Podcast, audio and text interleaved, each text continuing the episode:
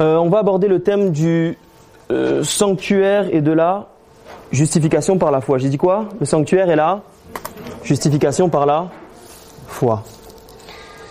Euh, avant d'avoir un petit moment de prière, donc je vais me présenter rapidement. Je n'aime pas beaucoup parler de moi, je préfère parler de Jésus-Christ. Amen. Donc je m'appelle Amiel. Donc je fais partie du ministère France Funnel Messenger. Je ne sais pas si vous connaissez. Donc c'est un ministère en France. Et notre ministère euh, a pour but et pour vocation euh, de former les gens bibliquement. Donc on est spécialisé dans la formation biblique. Concrètement, qu'est-ce que ça veut dire? Ça veut dire que lorsque vous venez à nos séminaires, à nos études, nous, ce qu'on veut, c'est que ce soit vous après qui donnez des études bibliques. Peut-être la prochaine fois, ce sera peut-être l'un de vous qui va donner cette étude-là. Amen? Donc le but est, que vous soyez indépendant spirituellement. Qu'est-ce que ça veut dire? Ça veut dire que vous êtes capable vous-même de donner des études bibliques. Et on va voir ensemble ce sujet qui est très important, donc le sanctuaire et la justification par là, par là, par là, la foi. On va avoir un petit moment de prière avant de commencer. On va prier ensemble. Tendre Père céleste, notre Dieu, notre Père, notre Roi, nous voulons te remercier, Père, pour euh, l'occasion que tu nous donnes de pouvoir étudier ta parole. Merci, tendre Père céleste, pour ce temps que tu nous donnes encore une fois. Nous voulons te remercier aussi pour ton merveilleux sabbat que tu nous donnes, où nous répondons à ton invitation, Père. Au tendre Père céleste, nous te remercions pour le sang magnifique de Jésus-Christ à la croix, qui, par ce sang, Père, nous avons l'opportunité encore de nous présenter devant toi, Père. Nous réclamons la promesse de Jean 16 à partir du verset 33, Père, où tu nous promets l'effusion de ton Saint-Esprit sur chacun d'entre nous. Veuille nous guider dans toute la vérité, rien que la vérité. En Jésus-Christ, nous t'avons prié. Amen. Donc le sanctuaire et la justification par la foi. Qui a déjà ici étudié le sanctuaire? Vous êtes sûr? Qui a déjà lu le sanctuaire. Vous avez lu aussi, n'est-ce pas? Ok, ne, ne, soyez pas. On dirait que vous avez peur de moi. J'aime poser des questions. Amen. Il y a un auteur qui disait que Jésus-Christ ne peut pas être la réponse pour beaucoup d'entre nous parce qu'on ne pose pas de questions. Vous comprenez? Jésus-Christ ne peut pas être la réponse pour beaucoup d'entre nous parce qu'on ne pose pas de questions. Donc si je pose des questions, N'hésitez pas à répondre. Vous connaissez tous le sanctuaire normalement, puisque vous êtes tous des adventistes. Le sanctuaire est composé de combien de compartiments? Trois, n'est-ce pas? Il y avait d'abord le parvis. Ensuite, il y avait quoi? La tente d'assignation. Et dans la tente d'assignation, il y avait combien de compartiments? Deux compartiments, c'est pas vrai? Et il y avait le lieu saint et le lieu très saint. Qu'est-ce qu'il y avait dans le lieu saint, mes frères et sœurs?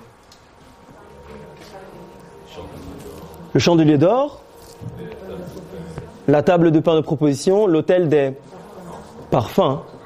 Et ensuite, on entrait dans le lieu très saint, et dans le lieu très saint, qu'est-ce qu'il y avait? L'arche de l'alliance. C'est tout? La loi, la verge d'Aaron, mais il manque quelque chose. Il manque encore quelque chose. Les deux chiens, il manque encore quelque chose. Non. Non. Ah, le propitiatoire. Vous allez comprendre pourquoi ce n'est pas anodin que vous oubliez toujours le propitiatoire. Parce que le propitiatoire, en anglais, c'est ce qu'on appelle de mercy donc le siège de la miséricorde ou de la grâce. Mais avant de rentrer dans le sanctuaire, chaque personne devait passer par seulement une seule porte. Vous savez que c'est très dangereux de parler de la justification par la foi sans la mettre dans le sanctuaire. Pourquoi? Parce que le sanctuaire nous montre le vrai évangile. Par exemple, beaucoup de gens disent que Il suffit d'accepter Jésus-Christ une seule fois, donc sauver une fois, sauver pour tout jour, c'est pas vrai?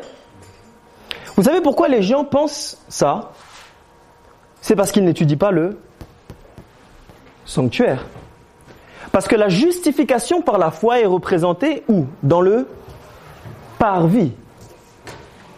Mais est-ce que l'évangile s'arrête au parvis, mes frères et sœurs? Non. Il y a une autre pièce qui s'appelle le lieu saint, qui symbolise la sanctification par la foi. Mais est-ce que l'évangile s'arrête à la sanctification par la foi, mes frères et sœurs? Non. Il y a maintenant la glorification par la foi, c'est-à-dire là où vous et moi on sera réunis avec Dieu pour de bon. Mais comme je vous ai dit, avant de rentrer dans le sanctuaire, chaque personne, mes frères et sœurs, devait rentrer par une seule et une seule porte seulement. Que symbolise cette porte, mes frères et sœurs, dans la Bible? Jésus-Christ, c'est marqué où dans la Bible?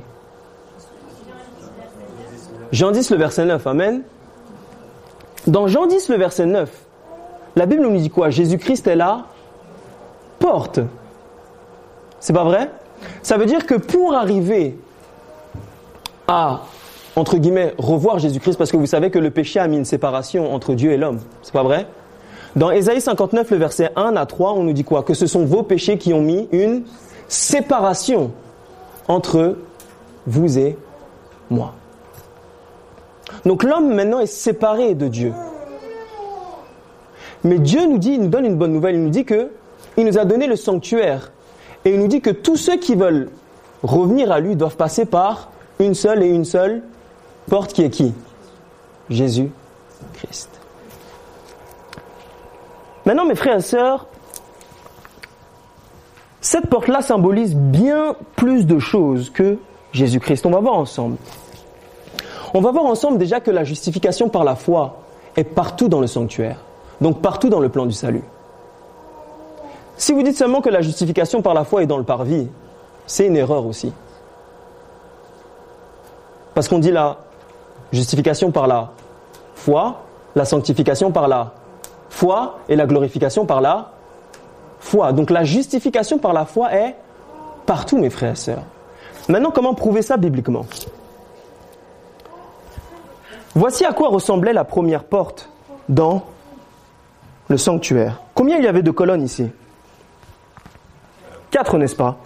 Si vous lisez Exode 38, donc tout Exode 38, on va vous donner la description de cette porte-là. Il y avait combien de couleurs, mes frères et sœurs, sur la porte? Si vous regardez, combien de couleurs vous voyez? Trois, n'est-ce pas? Il y avait quoi comme couleur?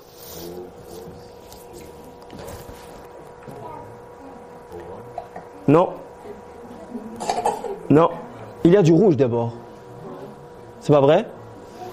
On voit plusieurs couleurs ici. La première couleur que l'on voit, c'est Là-bas Ah, pardon. Oui, c'est vrai, à cause du. Ici Oui, excusez-moi. On va essayer de traiter toutes les couleurs, vous allez voir que c'est une signification bien profonde dans la Bible. On va d'abord parler de la couleur bleue. Vous voyez la couleur bleue, n'est-ce pas, ici Qu'est-ce que symbolise le bleu dans la Bible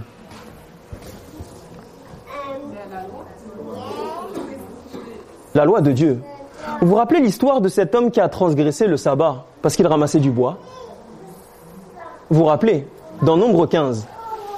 Lorsqu'il a ramassé du bois, on nous dit qu'il a transgressé le sabbat.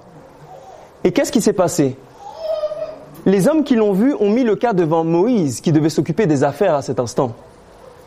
Et lorsqu'ils ont transmis l'histoire à Moïse, Moïse a dit qu'on doit lapider cet homme-là. Pourquoi? Parce qu'il avait transgressé les commandements de Dieu. Mais lorsqu'ils ont transgressé les commandements de Dieu, Dieu a demandé une chose bien spécifique maintenant aux Israélites. Qu'est-ce qu'il leur avait demandé? Qu'est-ce qu'il avait demandé? De mettre un turban. De mettre un turban comment? Bleu. Et il leur a dit que ce turban bleu-là allait, c'était comme un signe pour qu'il se rappelle les commandements de qui? De Dieu. Donc le bleu dans la Bible, mes frères et sœurs, symbolise quoi? Les commandements de Dieu ou l'obéissance. Si vous étudiez bien, vous allez voir que c'est répété dans Psaume 97, dans Apocalypse, que le trône de Dieu est fait de saphir.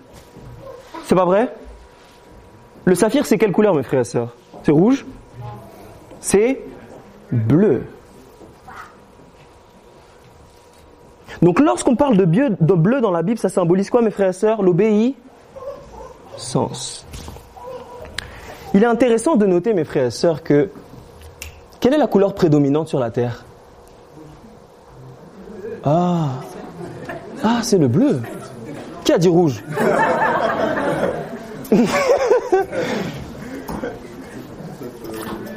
Ce n'est pas le rouge, mes frères et sœurs, c'est le bleu. C'est pas vrai? Le ciel est de quelle couleur? Bleu. La mer est de quelle couleur? Bleu. Donc la, couleur qui est prédominante sur la terre, c'est le bleu. Est-ce que vous pensez que c'est un hasard, mes frères et sœurs? Il n'y a pas de hasard dans la Bible. Dieu voulait qu'on se rappelle qu'il y a une loi dans le ciel. Amen. Et ce qui est intéressant de voir, c'est que qu'est-ce qui nous empêche de voir le ciel bleu parfois? Ah, les nuages. C'est pas vrai? C'est pas vrai. Mais il n'y a pas que les nuages. Les bâtiments aussi. Vous n'avez pas remarqué que c'est à la mode de construire des buildings Vous pensez que c'est un hasard, mes frères et sœurs? Serait-il possible que Satan veuille qu'on cache le ciel bleu et qu'on oublie qu'il y a une loi? Vous pensez que c'est un hasard? Il n'y a pas de hasard dans la Bible. D'ailleurs, les nuages aussi cachent le soleil dans la Bible. C'est pas vrai?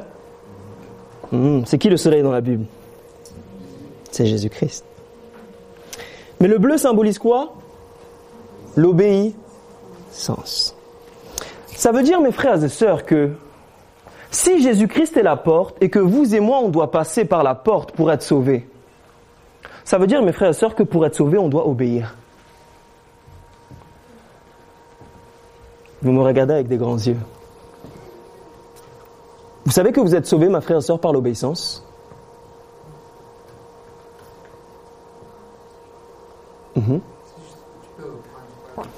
Si Jésus-Christ est la porte, mhm, et qu'on doit passer par cette porte pour être sauvé, mais que sur cette porte-là, on a vu la couleur bleue, qui symbolise quoi? L'obéissance. Ça veut dire que nous sommes sauvés par l'obéissance.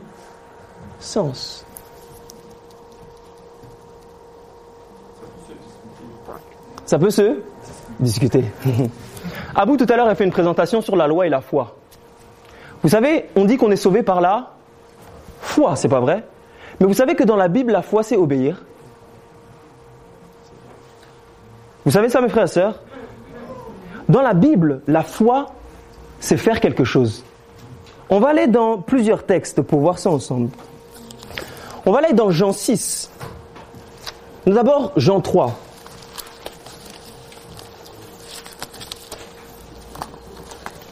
Jean 3.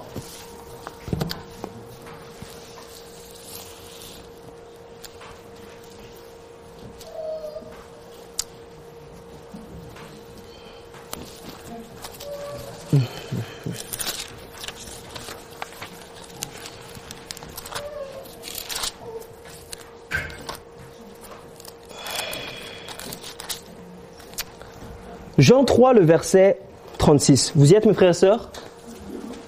Vous avez vos Bibles? Jean 3, le verset 36. On va lire ensemble. On va lire ensemble. Qui croit au Fils à la vie éternelle? Pause. Ici, on nous parle de quoi? De croire, n'est-ce pas? C'est pas vrai? Maintenant, remarquez le texte qui vient après. Mais qui désobéit au Fils ne verra pas la vie, mais la colère de Dieu demeure sur lui. Pas dans votre version Vous avez quoi comme version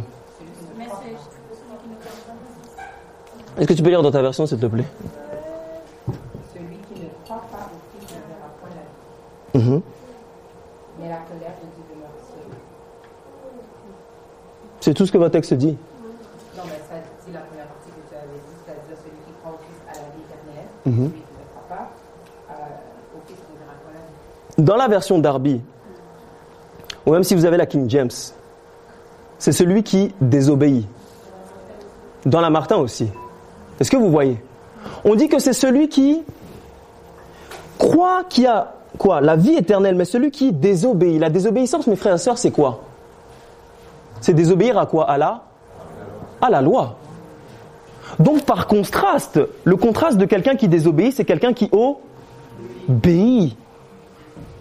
On va aller dans un autre texte, dans Jean 6, le verset 9. Jean 6, le verset 9.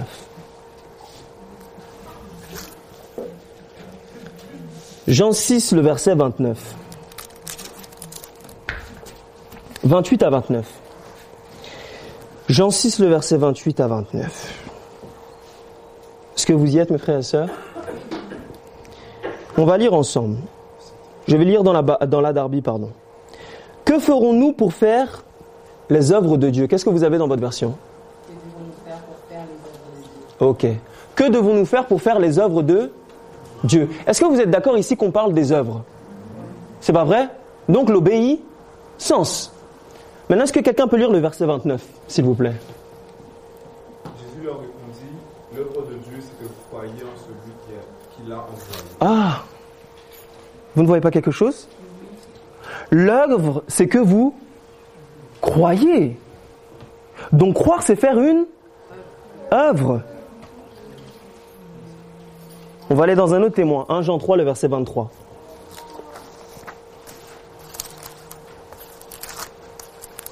1 Jean 3, le verset 23.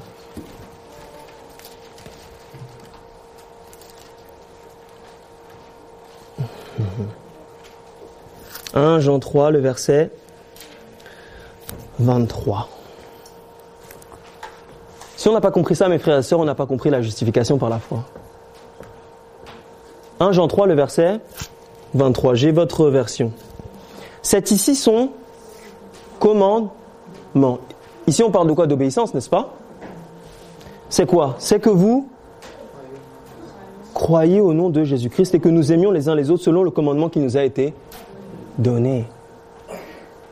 Donc la foi dans la Bible, c'est un commandement. Vous savez qu'on a fait une grosse erreur en voulant séparer la foi des œuvres. C'est Jacques qui dit ça, non? Dans Jacques 2, le verset 17, Jacques dit quoi? La foi sans les œuvres, c'est une foi qui est comment? Morte. Parce que dans la Bible, lorsque vous croyez en Jésus-Christ, vous êtes en train d'obéir. Vous comprenez? Maintenant, vous savez que cette obéissance-là, dans la Bible, ce n'est pas vous qui le faites par vous-même. Parce que qui a donné la foi dans la Bible? C'est Dieu. Dans Romains 12, le verset 7, on nous dit quoi? Selon la mesure de la foi qu'il a été départi à chacun. Ça veut dire que Dieu a mis dans chacun d'entre vous, y compris les païens, Dieu a mis une mesure de foi assez juste pour quoi? Pour croire en Dieu. Donc, autrement dit, pour obéir à Dieu. Vous voyez ça? Ça veut dire que lorsqu'on accepte Jésus-Christ dans sa vie, on croit. Mais par la même occasion, on est en train d'obéir à Dieu. C'est ce que veut dire la porte, mes frères et sœurs. Là, on est juste sur le bleu. Vous voyez ça? Dieu nous sauve dans l'obéissance, mes frères et sœurs, pas dans la désobéissance. Mais est-ce qu'il n'y a que le bleu dans cette, euh, magnifique porte? Vous avez dit tout à l'heure, la couleur qui prédomine ici, c'est quoi? Le rouge, n'est-ce pas? Qu'est-ce que le rouge symbolise dans la Bible? Le sang, c'est pas vrai? Le sang représente quoi? Le sacrifice de Jésus-Christ. Lorsque vous croyez en Jésus-Christ, qu'est-ce qui vous permet d'être lavé ensuite de vos péchés? Le sang de Jésus-Christ. Donc on voit ici la justice de Dieu, donc ses commandements, mixés à quoi? Au sacrifice de Jésus-Christ. Ici on parle de quoi mes frères et sœurs? De la justification par là La foi. Mais est-ce qu'il n'y a que ça comme couleur mes frères et sœurs? J'essaie d'aller vite. Il y a quoi d'autre comme couleur ici? Ici, là, entre... Non. Oui, le blanc, on va en parler après, c'est la dernière. Le pourpre. Ou, le, comment on dit ça? Oui, le pourpre, c'est ça, non? Le pourpre, c'est le violet. Euh, vous, avez tous fait euh, l'école ici, j'imagine. Euh, quand on est petit, on s'amuse à faire les... Comment on appelle ça Les jeux de couleurs, c'est pas vrai? Le violet, c'est un mélange de... Quelle couleur et quelle couleur? Ah, ah De l'obéissance et de la miséricorde. Parfois, je suis excité pour rien, à cause de la Bible. C'est la Bible qui me rend comme ça. Amen. Donc, le, le pourpre est un mélange du bleu et du rouge. Donc, lorsque vous acceptez Jésus-Christ, tout de suite, il y a les commandements de Dieu et vous êtes lavé par le sang de Jésus-Christ. Vous pensez que c'est un hasard, mes frères et sœurs? Est-ce que vous pouvez obéir de vous-même Non, ça demande une intervention divine. C'est pas vrai Ça veut dire que le bleu aussi peut représenter la divinité de Jésus-Christ. Et le rouge peut représenter son humanité. Donc, le pourpre, c'est la divinité mixée avec la l'humanité, c'est pas vrai Et ensuite vient la couleur quoi Le blanc. Donc lorsque vous mixez la divinité et l'humanité dans la vie de quelqu'un, comment vous êtes? Vous êtes pur aux yeux de Dieu. Est-ce que vous voyez ça, mes frères et sœurs? Ici, on est simplement sur la première porte. Ça nous parle ici de la justification par la foi. Et ici, il y a combien de poteaux? Quatre. Jésus-Christ a été percé à combien d'endroits? À vous de deviner. à vous de deviner. Quatre. Deux mains de pied. Deux mains de pied. Deux mains de pied, il n'a pas été percé sur la tête. oui, la côte a été percée. Mais quels étaient les deux endroits qui ont été cloués sur la croix? Il n'y a que quatre parce que c'est des clous, ça. Parce que ici, mes frères et sœurs, c'est enfoncé où? Dans la terre. Donc c'est des clous. Donc Jésus-Christ a été... Bref. Ici, on est seulement sur la première porte. Dans le sanctuaire, mes frères et sœurs, il y a combien de portes? Trois. Lorsque vous acceptez Jésus-Christ dans votre vie, vous acceptez son sacrifice, c'est pas vrai? L'autel des sacrifices. Là, on sacrifiait quoi? L'agneau. Jean 1, le verset 29, qu'est-ce que ça dit? Voici là, l'agneau qui ôte les péchés du monde. Ensuite, ici, il y avait quoi? La cuve des reins. Donc, lorsque vous acceptez Jésus-Christ, la Bible dit dans Marc 16, le verset 15, c'est celui qui croit et qui sera baptisé, qui sera sauvé. Donc, les deux sont nécessaires. C'est pas vrai? Ici, c'est ce qu'on appelle aussi la justification par la foi. Mais une fois que vous êtes arrivé ici, vous devez passer une autre porte.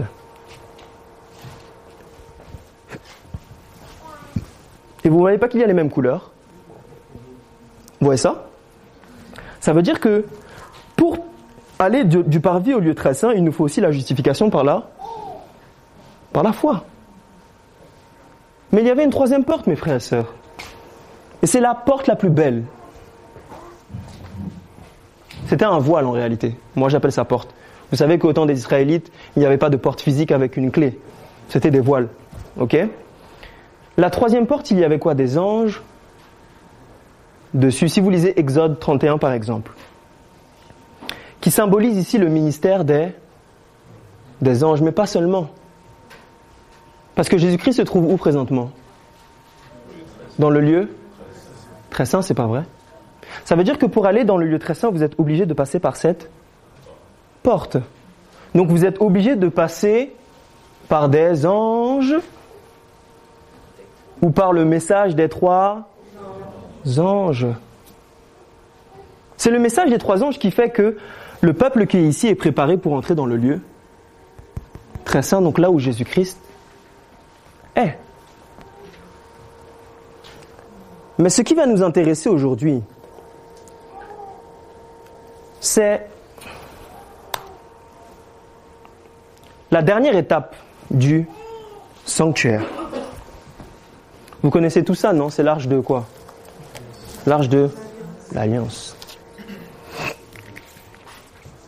Parce que le sujet en réalité que Jaffa m'avait demandé, et je le remercie d'ailleurs pour l'invitation, c'était spécifiquement pour la justification par la foi et euh, le, le sanctuaire et le temps d'expiation, c'est ça, non? Et la purification du sanctuaire. Une fois par an, le, souverain sacrificateur allait où? Dans le lieu très saint. C'était le Yom Kippour ou le jour d'expiation. Donc une fois par année, il devait faire l'expiation du péché de tout le peuple. Et le peuple à cet instant-là devait faire sa propre investigation sur lui-même. Et si vous étudiez bien le Yom Kippour, vous allez voir que durant le Yom Kippour, les gens ne regardaient pas aux autres. Vous savez ça? Chacun regardait à soi-même. C'est-à-dire que si vous et moi, là, on vit dans le moment du Yom Kippour, on ne doit pas regarder les autres. Vous comprenez?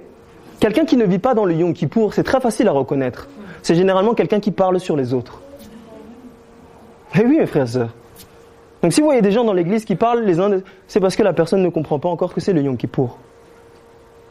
Il faut s'examiner soi-même durant cette période-là. Et ici, il y avait quoi? Les deux chérubins. Dans Jacques 1, on nous dit que même les anges plongent leur regard dans quoi? Dans la loi de Dieu, c'est pas vrai? Donc les deux chérubins plongent leur regard où? Vers la loi. Mais mes frères et sœurs, avant d'arriver par la loi, il y avait autre chose ici. Il y avait le propitiatoire. Lorsqu'on parle de justification par la foi à la lumière du Yom Kippour, on ne peut pas manquer ce point-là. Parce que pour arriver à la loi des dix commandements, vous étiez obligé de passer par quoi? La grâce ou la miséricorde. Vous savez que si vous ne passez pas par la miséricorde avant d'aller à la loi, vous savez ce que vous devenez? Des pharisiens.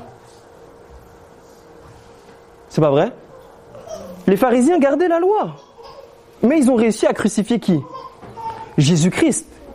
Donc Jésus-Christ symbolise quoi? La miséricorde de Dieu, c'est pas vrai? Mais beaucoup d'entre nous, on veut passer par la loi, sans passer par quoi? Par Jésus-Christ. Donc ceux qui comprennent le temps du jugement ici, la vraie justification par la foi, c'est Christ vous justifie. Et parce qu'il vous justifie, maintenant, il vous fait garder quoi? La loi. Par exemple, beaucoup d'entre nous, on voit la loi comme des interdictions. C'est pas vrai? C'est pas vrai, mes frères et sœurs. Un peu comme la Bible dit que beaucoup d'entre nous voient les commandements comme étant pénibles. Je vous donne une illustration simple. Qui a le permis ici? Moi, j'ai pas encore le permis. Qui a le permis? Ou la licence, je sais pas comment vous dites ici. Permis de conduire. Ok? Lorsque vous conduisez pour venir ici, vous aviez eu un panneau qui vous disait limité à 70 dans certains endroits. C'est pas vrai? Il y a deux types de personnes sur la route. Je vois des gens qui rigolent. peut-être quelqu'un, peut-être certains d'entre nous vont se reconnaître. Mais il y a de la miséricorde, amen. Il y a deux types de personnes. Il y a le conducteur qui va voir le panneau de 70 et qui va voir ça comme une restriction. Et va dire non, moi j'ai envie de conduire à 90. Pourquoi ce panneau m'embête? Premier type de personne. Mais il y a un autre type de personne qui, lorsqu'il va voir la limitation, va voir ça comme un moyen de protéger sa, sa vie. Vous comprenez? Donc il y a deux types de personnes dans l'Église. Ceux qui voient la loi comme une restriction et ceux qui voient la loi, comme Jacques dit, comme une loi de liberté. Vous voyez ça? Vous savez pourquoi, mes frères et sœurs? Le problème, c'est que beaucoup d'entre nous, on voit la loi sans la miséricorde de Dieu. Donc sans la justification par la foi. Est-ce que vous comprenez? Maintenant, je vous pose une question. Quel est le premier commandement?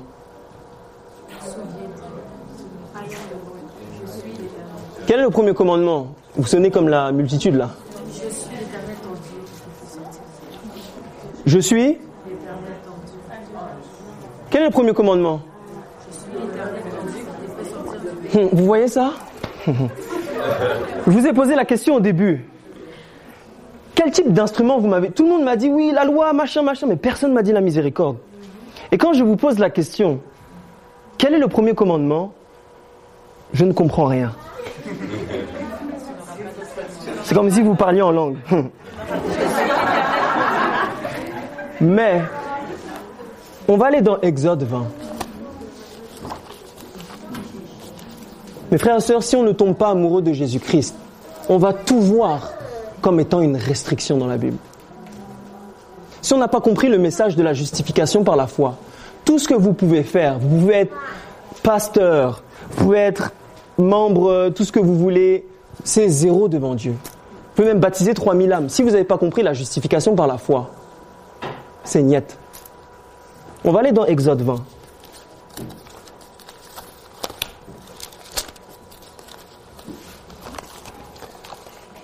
Exode 20, mes frères et sœurs. Exode, Exode 20. Vous y êtes, mes frères et sœurs? Ok. Qu'est-ce que nous dit le premier verset? Et Dieu, Alors Dieu prononça toutes les paroles. je suis l'Éternel, ton Dieu qui t'ai fait sortir de quoi? Du pays? d'Égypte, de la maison de la servitude. Et tu n'auras pas d'autre Dieu devant ma face. Quand je vous ai posé la question, beaucoup de gens ont dit que le premier commandement, c'est tu n'auras pas d'autre Dieu devant ma face. Mais les dix commandements ne commencent pas comme ça, mes frères et sœurs. Dans Exode 20, ça commence par quoi? Je suis l'Éternel, ton Dieu. Je me suis trompé même. Le verset dit, et Dieu dit. Et Dieu dit. Vous savez que mes frères et sœurs, vous pouvez faire toute une étude de trois heures juste sur Et Dieu dit. Vous savez ça? Quelle est la plus grande définition de Jésus-Christ dans la Bible? Non. Faux. Ça, c'est ce que les pharisiens pensaient. Mais la plus grande définition de Dieu dans la Bible, c'est 1 Jean 4, le verset 8, qui dit Dieu est amour. Ou autrement dit, l'amour c'est Dieu. Donc l'amour dans la Bible, mes frères et sœurs, ce n'est pas un sentiment, c'est une personne. C'est-à-dire que si vous n'avez pas connu Dieu, c'est impossible pour vous d'aimer. Vous voyez ça? Donc pour une relation, si Dieu est mis à côté, ne dites pas vous aimez votre copine, vous l'aimez pas. Sans connaître Jésus-Christ, c'est impossible que vous ayez une claire définition de ce que est l'amour. Donc si Dieu est amour, ou autrement dit l'amour c'est Dieu, ça veut dire que par tous les endroits dans la Bible où vous trouvez Dieu, vous pouvez le remplacer par quel mot? L'amour. Donc revenons maintenant sur Exode 20. Qu'est-ce que nous dit le premier verset? L'amour dit. Vous voyez ça? Les dix commandements commencent par quoi, mes frères et sœurs? L'amour. Par la miséricorde. Et c'est pour ça que Jésus-Christ dit, je suis celui qui t'ai fait sortir du pays d'Égypte, de la maison de la servitude. L'Égypte symbolise le péché, la maison de la servitude, dont l'esclavage au péché, au péché. Donc pour vous faire garder la loi, Dieu doit d'abord vous sauver. Il est impossible de voir la loi comme étant une loi de liberté sans que avant vous passiez par la conversion, donc la justification par la foi.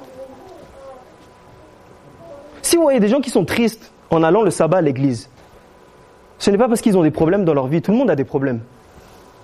Mais Jésus-Christ a plus de solutions, amen. Mais la raison pour laquelle beaucoup d'entre nous, nous venons à l'église même le sabbat,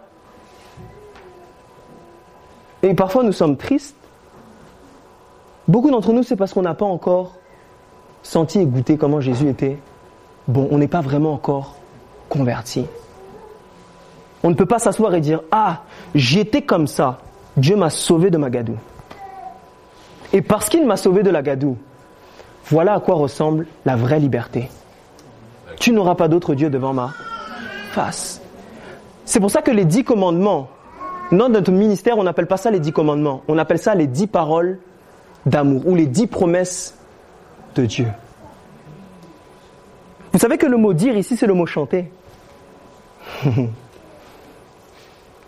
Donc l'amour a chanté quelque chose. Mais le mot dire ici aussi, c'est le mot commander et c'est en même temps le mot promettre. Donc quand Dieu dit, c'est un commandement, c'est pas vrai? Mais lorsqu'il vous commande quelque chose, en même temps, il vous donne une promesse qui vous permet de l'accomplir. Justification par la foi. Vous voyez ça? Donc quand Dieu vous commande quelque chose, il vous dit, voilà les dix commandements. Au même moment, ces dix commandements-là, c'est une promesse pour vous. Voilà à quoi ressemble la vie que je veux te donner, mon enfant. Tu ne tueras point. Tu ne commettras point d'adultère. Tu ne voleras point. Voilà ce que ressemble la vie que moi je veux te donner. Si vous ne passez pas par la justification par la foi, vous ne pouvez jamais comprendre ça, mes frères et sœurs. Est-ce que vous comprenez? On va creuser un peu plus. Il me reste combien de temps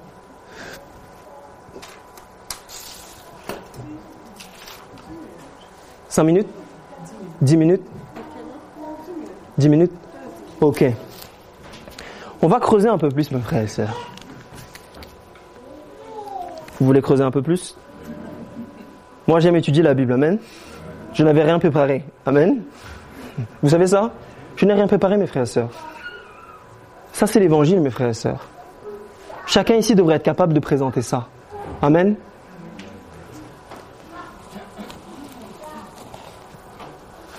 On va parler un peu de la miséricorde.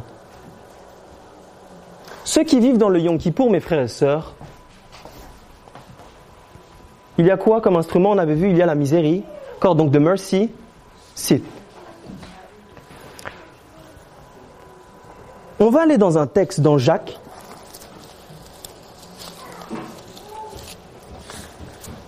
Jacques. Jacques 2. Le verset 12. Jacques 2. Le verset 12. Est-ce que vous avez vu la justification dans le lieu très saint? Qui l'a vu, s'il vous plaît? Je vais être sûr. Est-ce que vous l'avez vu? Vous l'avez vu Sûr Ok. On va passer à un autre point.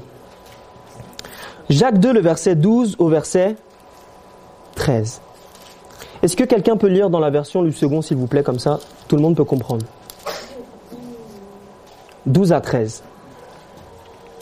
Parlez et agissez comme devant être jugés par une loi de liberté. Car le jugement est sans miséricorde pour qui n'a pas fait miséricorde.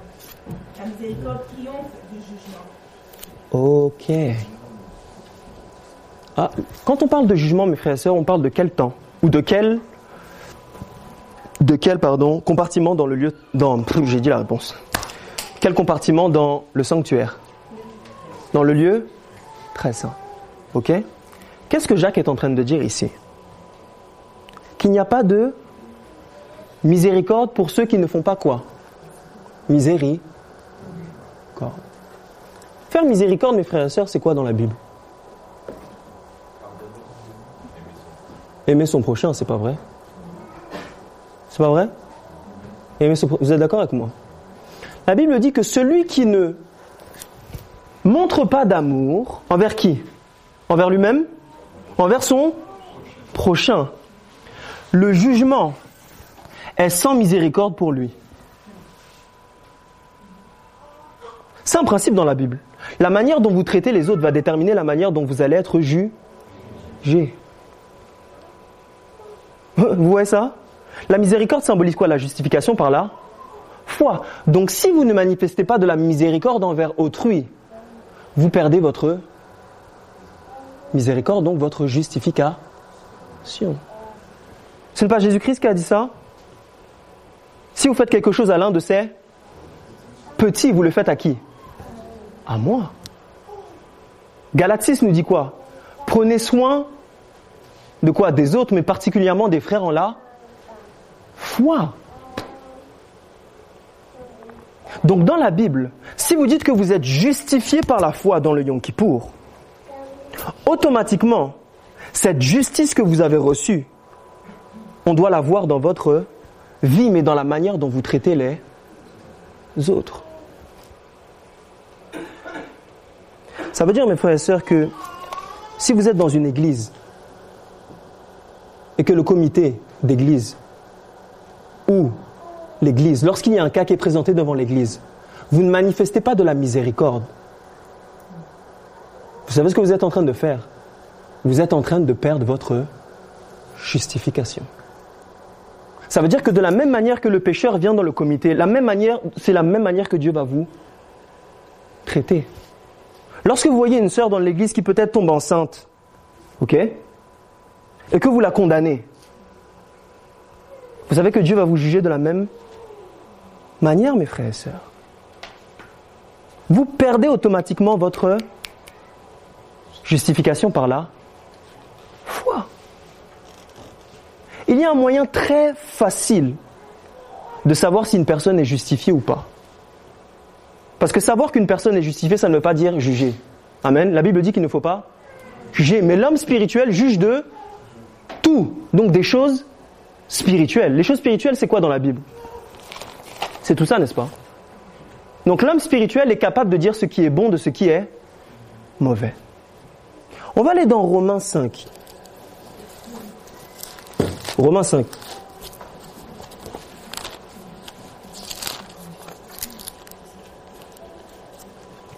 Romains 5, le verset 1.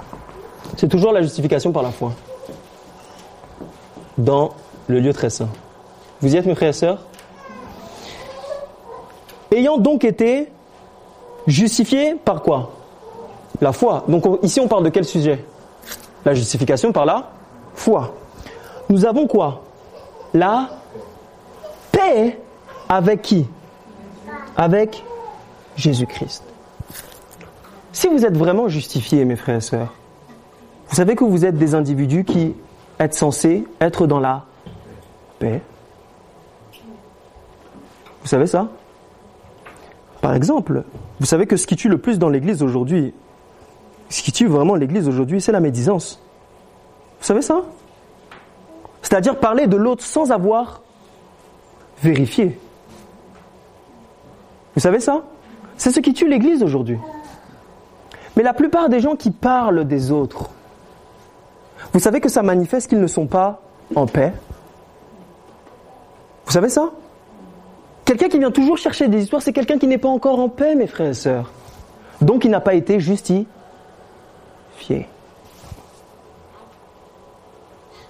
Vous comprenez? Parce que l'amour dans la Bible, mes frères et sœurs, dans 1 Jean 3, le verset 18, on dit que l'amour ne consiste pas seulement en, ce qui est parlé ou ce qu'il y a dans les lèvres. Mais l'amour, c'est en action et en vérité. C'est pas vrai? C'est pas vrai? Donc, dans le Yom Kippour, vous avez besoin de la miséricorde. Donc, vous avez besoin de cet amour agapé. C'est pas vrai? On a tous besoin d'amour ici. Mais comment on va savoir que vous êtes vraiment justifié, que vous avez vraiment cet amour-là agapé? Ça va être manifesté dans la manière dont vous allez traiter l'autre. Vous savez comment Dieu nous a dit de traiter les uns et les autres? Il y a une seule méthode dans la Bible. on va terminer avec ça. Il y a une seule méthode dans la Bible que l'Église a oubliée malheureusement. Quand vous avez un conflit avec votre frère, si vous avez vraiment la miséricorde, si vous avez vraiment l'amour agapé, si vous êtes vraiment justifié, vous devez appliquer cette méthode. Qui connaît cette méthode? Ne dites rien pour, eux, pour ceux qui le savent. Donc maths et tout, ne dites rien. Qui connaît cette méthode? Vous voyez? Il y a une seule personne qui connaît cette méthode ici. Ah, Ask you the question. Je vous ai posé la question. C'est la Bible qui dit que votre oui soit oui et votre non soit non. Bon, où se trouve cette méthode dans la Bible? Matthieu 18, à partir du verset 15. Et on va terminer sur ce verset-là. Matthieu 18, le verset 15.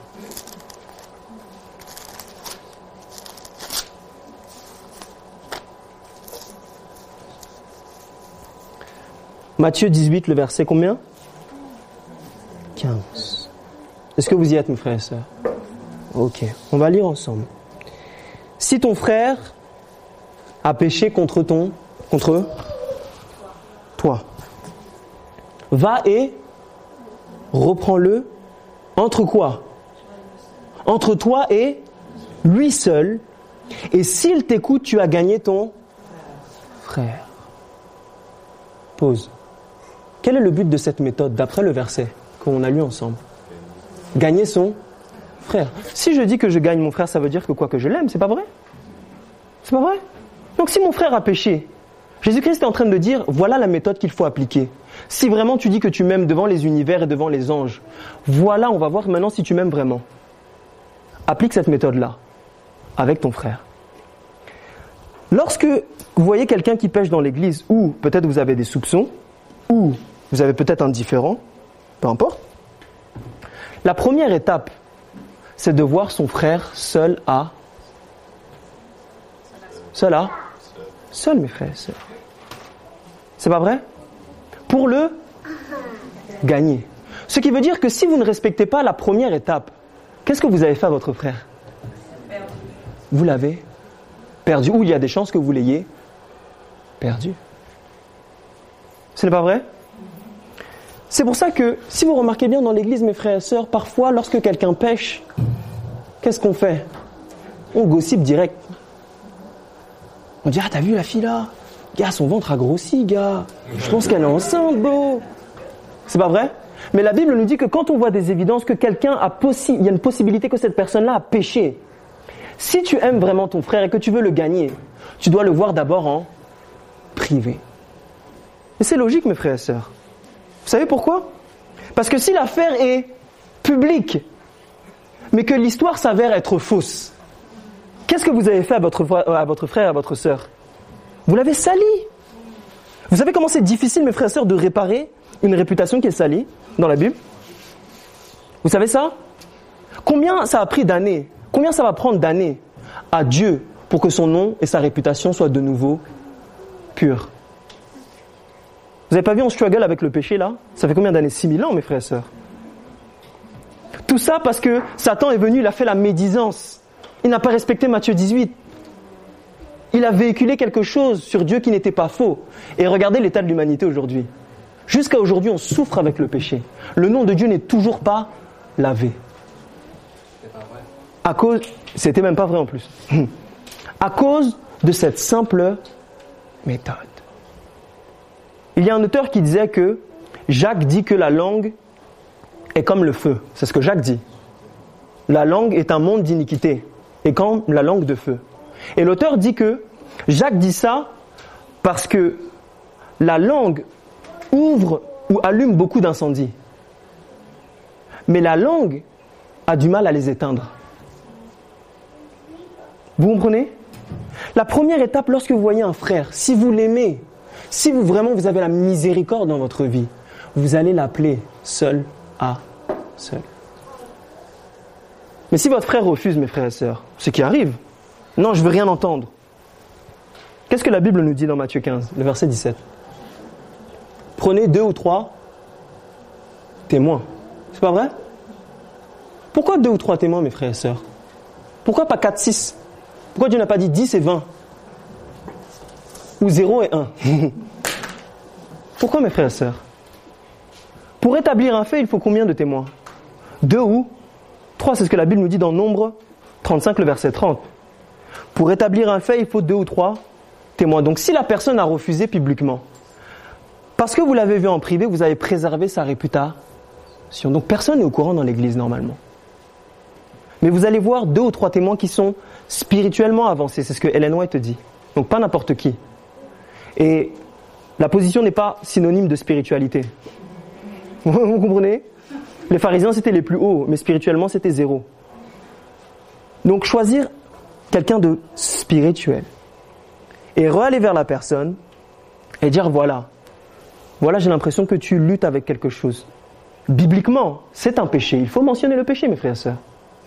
Mais la Bible dit dans 1 Jean 2 que si s'il vous arriverait de pécher, vous avez un avocat auprès du, Père. Voilà la solution. On peut t'aider pour cette lutte-là. Si la personne refuse, dans ces cas-là, ce n'est seulement là que l'affaire devient quoi? Publique. Et elle est présentée devant qui? Devant l'Assemblée, donc l'Église. Ça, c'est la méthode, mes frères et sœurs, dont Dieu particulièrement va nous juger dans les temps dans lesquels on vit. Parce qu'on est sauvé par la foi, mais jugé par les œuvres. Dieu va regarder et il va dire, ah, tu dis que tu es justifié, ok. Je t'ai montré des évidences que ton frère ou ta sœur a péché. Dieu s'assoit comme ça et dit, je vais voir ta réaction. Est-ce que tu vas faire cette méthode-là? Est-ce que tu vas vraiment manifester de la miséricorde? Est-ce que vous pensez, mes frères et sœurs, qu'on a besoin de la miséricorde aujourd'hui? On a vraiment besoin de la miséricorde. C'est pas vrai? C'est pas vrai, mes frères et sœurs. Dieu nous promet une magnifique promesse dans Romains 5, le verset 5. Seigneur, on doit mémoriser ce texte-là, ça doit être imprimé dans notre tête. Est-ce qu'il y a quelque chose ici que quelqu'un peut faire de lui-même? Non, n'est-ce pas? Personne ne peut rien faire de lui-même, mes frères et sœurs. Dans Romains 5, le verset 5, on nous dit Or, l'espérance ne trompe point. Car qui met cet amour, mes frères et sœurs? Qui met cet amour? C'est le Saint-Esprit. Le Saint-Esprit est Dieu, c'est pas vrai? A besoin d'une intervention divine dans notre vie. C'est pas vrai? L'Église n'a pas besoin du Saint-Esprit, mes frères et sœurs. Donc, on va avoir un moment de prière. Vous savez que le sanctuaire nous apprend à prier, mes frères et sœurs. C'est très rapide. On va suivre exactement ce modèle-là. Ici, il y a la porte, n'est-ce pas? On va faire ça très rapidement. Il y a la porte ici, c'est pas vrai? La porte symbolise qui? Jésus-Christ. Il y a un psaume dans la Bible qui nous parle d'une porte. Psaume 24. Qui nous dit quoi? Porte et levez vos linteaux. C'est une célébration, c'est pas vrai? Lorsqu'on lit Psaume 24, c'est une célébration. Donc le roi fait son entrée. Donc on rend gloire à qui? À Dieu. Dieu habite au milieu de quoi? Des louanges Des louanges, c'est pas vrai? La première étape, lorsque vous priez, mes frères et sœurs, vous devez demander, vous devez remercier Dieu. Rendre gloire à Dieu pour tout ce qu'il a fait dans votre vie. Ensuite, ici, mes frères et sœurs, il y a quoi? Il y a l'autel des parfums, c'est pas vrai? L'autel des sacrifices. Dans l'autel des sacrifices, mes frères et sœurs, c'est là où on sacrifiait quoi? L'agneau. C'est pas vrai? Et le pécheur, dans Lévitique 4, le verset 4, nous dit qu'il devait mettre la main sur la tête de l'agneau. Et il devait quoi? Confesser. Lorsque vous avez fini de louer Dieu, maintenant il y a une prière de confession pour demander à Dieu, dire à Dieu tous les péchés qu'on a pu faire, ou si vous avez réalisé que vous faisiez partie des gens qui parlaient des autres, demandez pardon à Dieu, mes frères et sœurs. Il y a encore de la miséricorde. Amen. Et ici, il y a quoi? La cuve des reins. La cuve des reins symbolise le baptême. Et lorsque Jésus-Christ s'est baptisé, qu'est-ce qu'a dit Dieu? Qu'est-ce qu'a dit le Père? Voici mon fils bien-né, mais en qui j'ai mis toute ma confiance. Donc, c'était la consécration de Jésus-Christ pour commencer son ministère terrestre. Après que vous louez Dieu, vous devez faire quoi? Prière de confession et de repentance. Et ensuite une prière de quoi? De consécration. Ok? Et on va s'arrêter ici. Parce que le reste c'est un peu plus profond. Mais j'ai pas le temps. mais vous pouvez chercher pour vous-même. Amen Donc on va avoir un moment de prière de 10 minutes, 15 minutes. Ça va être rapide. J'ai demandé à tous ceux qui le peuvent de bien vouloir s'agenouiller. C'est un privilège d'être à genoux. Et je vais vous expliquer un peu comment ça va se passer. On va faire un moment de prière en trois parties. La première partie, ça sera sur louer Dieu. Donc remercier Dieu pour tout ce qu'il a fait, toutes les portes qu'il a ouvertes, toutes les portes qu'il a fermées. Donc vous êtes libre à cet instant-là, pendant à peu près une, une minute cinq, d'élever des prières à voix haute. Mais, mes frères et sœurs, c'est des prières courtes. Hélène White dit qu'en public, on ne devrait jamais faire des prières longues. Donc comme vous dites en anglais, short and sweet. Ok? Donc vous êtes libre pendant ce temps-là. Et quand euh, plusieurs personnes auront prié, je vais conclure par une prière. Et ensuite de ça, on va faire un deuxième temps de prière. Maintenant, ça va être sur la confession et la repentance. Même schéma. Si, si pardon, c'est des péchés qui sont un peu plus graves là, ne les dites pas à voix haute. Dieu entend votre cœur. Amen. Mais vous pouvez réclamer la promesse de 1 Jean 1, le verset 9, qui dit que si nous confessons nos péchés, il est quoi? Fidèle et juste pour nous les pardonner. Et une fois de plus, je conclurai avec une prière. Et ensuite, on va avoir un dernier temps de prière sur la consécration. On va dire à Dieu que il nous consacre davantage, particulièrement à ce camp Jaffa. Que ce soit peut-être le début d'une expérience particulière avec Dieu. Amen. Et cette fois-ci, ce n'est pas moi qui vais prier, mais ça va être Abou Bakar sur la dernière prière, donc la prière de la consécration. Vous avez tous compris? Ok. Donc le temps de prière commence dès maintenant.